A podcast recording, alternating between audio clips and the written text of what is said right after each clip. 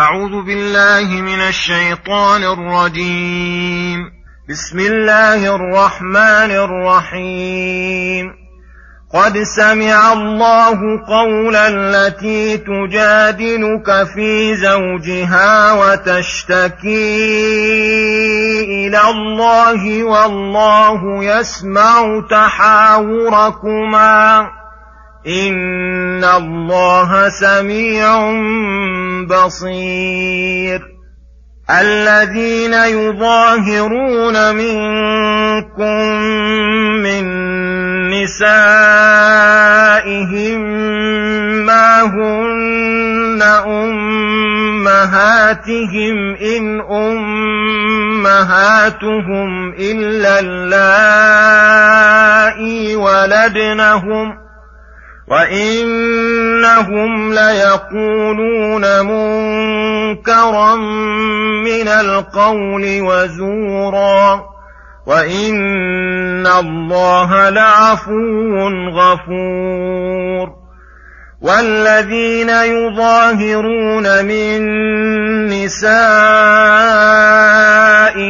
ثم يعودون لما قالوا فتحرير رقبة من قبل أن يتماسا. ذلكم توعظون به. والله بما تعملون خبير. فمن لم يجد فصيام شهرين متتابعين من قبل أن يتماسا. فمن لم يستطع فإطعام ستين مسكينا. ذلك لتؤمنوا بالله ورسوله وتلك حدود الله وللكافرين عذاب أليم. بسم الله الرحمن الرحيم. السلام عليكم ورحمة الله وبركاته. يقول الله سبحانه قد سمع الله قول التي تجادلك في زوجها وتشتكي إلى الله والله يسمع تحاوركما إن الله سميع بصير.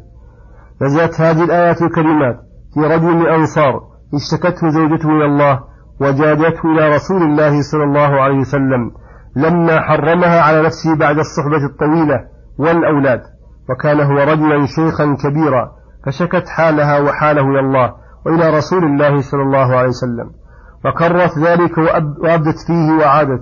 فقال تعالى قد سمع الله قول التي تجادلك في زوجها وتشتكي إلى الله والله يسمع تحاوركما أي تخاطبكما فيما بينكما. إن الله سميع لجميع الأصوات في جميع الأوقات على تفنن الحاجات. بصير يبصر دبيب النمة السوداء على الصخرة الصماء في الليلة الظلماء. وهذا إخبار عن كمال سمعه وبصره وإحاطتهما بالأمور الدقيقة والجليلة وفي ضمن ذلك الإشارة لأن الله سيزيل شكواها وبلواها ولهذا ذكر حكمها وحكم غيرها على وجه العموم فقال الذين يظاهرون منكم من نسائهم ما هن أمهاتهم إن أمهاتهم إلا اللائي ولدنهم المظاهرة من الزوجة أن يقول رجل زوجته أنت علي كظهر أمي أو غيرها من محارمه أو أنت علي حرام. وكان المعتاد عندهم في هذا اللفظ الظهر ولهذا سماه الله ظهارا فقال الذين يظاهرون منكم من نسائهم ما هن أمهاتهم. أي كيف يتكلمون بهذا الكلام؟ الذي يعلمون أنه لا حقيقة له فيشبهون أزواجهم بأمهاتهم اللاتي وأدنهم. ولهذا عظم الله أمره فقبحه فقال وإنهم ليقولون منكرا من القول وزورا أي قولا شنيعا وكذبا وإن الله لعفو غفور عمن صدر منه بعض المخالفات فتداركا بالتوبة النصوح. والذين يظاهرون من نسائهم ثم يعودون لما قالوا. اختلف العلماء في معنى العود فقيل معناه العزم على جماع من ظاهر منها وأنه بمجرد عزمه تجب عليه كفارة مذكورة ويدل على هذا أن الله تعالى ذكر في الكفارة أنها تكون قبل المسيس وذلك إنما يكون بمجرد العزم. وقيل معناه حقيقة الوطء ويدل على أن الله قال ثم يعودون لما قالوا.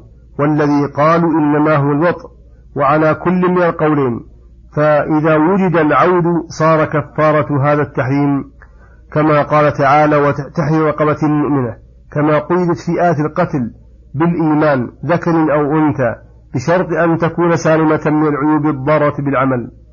من قبل أن يتماس أي يلزم الزوج أن يترك وطأ زوجته التي ظاهر منها حتى يكفر برقبة. ذلكم الحكم الذي ذكرناه لكم. توعظون به. أي يبين لكم حكمه مع الترهيب المقرون به. لأن معنى الوعظ ذكر الحكم مع الترغيب والترهيب. فالذي يريد أن يظاهر إذا ذكر أن عليه عتق رقبة كف نفسه عنه. والله بما تعملون خبير. فيجازي كل عامل بعمله. فمن لم يجد رقبة يعتقها بأن لم يجدها أو لم يجد ثمنها فعليه صيام شهرين متتابعين من قبل أن يتماسا فمن لم يستطع الصيام فإطعام ستين مسكينا إما أن يطعمهم من قوت باده ما يكفيهم كما هو قول كثير من المفسرين وإما أن يطعم كل مسكين مد بر أو نصف صاع من غيره مما يجزي في الفطرة كما هو قول طائفة أخرى. ذلك الحكم الذي بيناه لكم ووضحناه لتؤمنوا بالله ورسوله وذلك بالتزام هذا الحكم وغيره من الأحكام والعمل به. فإن التزام أحكام الله والعمل بها من الإيمان بل هي المقصودة ويزداد بها الإيمان ويكمل وينمو. وتلك حدود الله التي تمنع من الوقوع فيها فيجب أن لا تتعدى ولا يقصر عنها. وللكافرين عذاب, عذاب أليم وفي هذه الآية الآيات عدة أحكام. منها لطف الله بعباده واعتناؤه بهم حيث ذكر شكوى هذه المرأة المصابة وأزالها ورفع عنها البلوى بل رفع البلوى بحكمه العام عن كل من ابتلي بمثل هذه القضية ومنها أن الظهار مختص بتحريم الزوجة لأن الله قال من نسائهم فلو حرم أمته لم يكن ظهارا بل هو من جنس تحريم الطيبات كالطعام والشراب تجب فيه كفارة اليمين فقط. ومنها أن لا يصلح الظهار لامرأة قبل أن يتزوجها لأنها لا تدخل في نسائه في نسائه وقت الظهار كما لا يصح طلاقها سواء نجز ذلك أو علقه. ومنها أن الظهار محرم لأن الله سماه منكرا من القول وزورا ومنها تنبيه الله على الحكم على الحكم وحكمته لأن الله قال ما هن أمهاتهم. ومنها أنه يكره الرجل أن ينادي زوجته ويدعوها باسم محارمه كقوله يا أمي يا أختي ونحو ذلك لأن ذلك يشبه المحرم. ومنها أن الكفارة إنما تجب بالعود لما قال المظاهر على اختلاف القولين السابقين لا بمجرد الظهار. ومنها أنه يجزء في كفارة الرقبة الصغير والكبير والذكر والأنثى لإطلاق الآية في ذلك ومنها أنه يجب احترام يجب إجزاؤها ومنها أنه يجب إخراجها إذا كانت عتقا أو صياما قبل المسيس كما قيده الله بخلاف كفارة إطعام فإنه يجوز المسيس والوطء في أثنائها. منها أنه لعل الحكمة في وجوب الكفارة قبل المسيس أن ذلك أدعى لإخراجها فإنه إذا اشتاق إلى الجماع. وعلم أنه لا يمكن لا يمكن من ذلك إلا بعد كفارة بادر إلى إخراجها. منها أنه لا بد من إطعام ستين مسكينا. فلو جمع طعام ستين مسكينا ودفعه لواحد أو أكثر من ذلك من الستين لم يجز ذلك لأن الله قال فإطعام ستين مسكينا. وصلى الله وسلم على نبينا محمد وعلى آله وصحبه أجمعين. إلى الحلقة القادمة غدا إن شاء الله. السلام عليكم ورحمة الله وبركاته.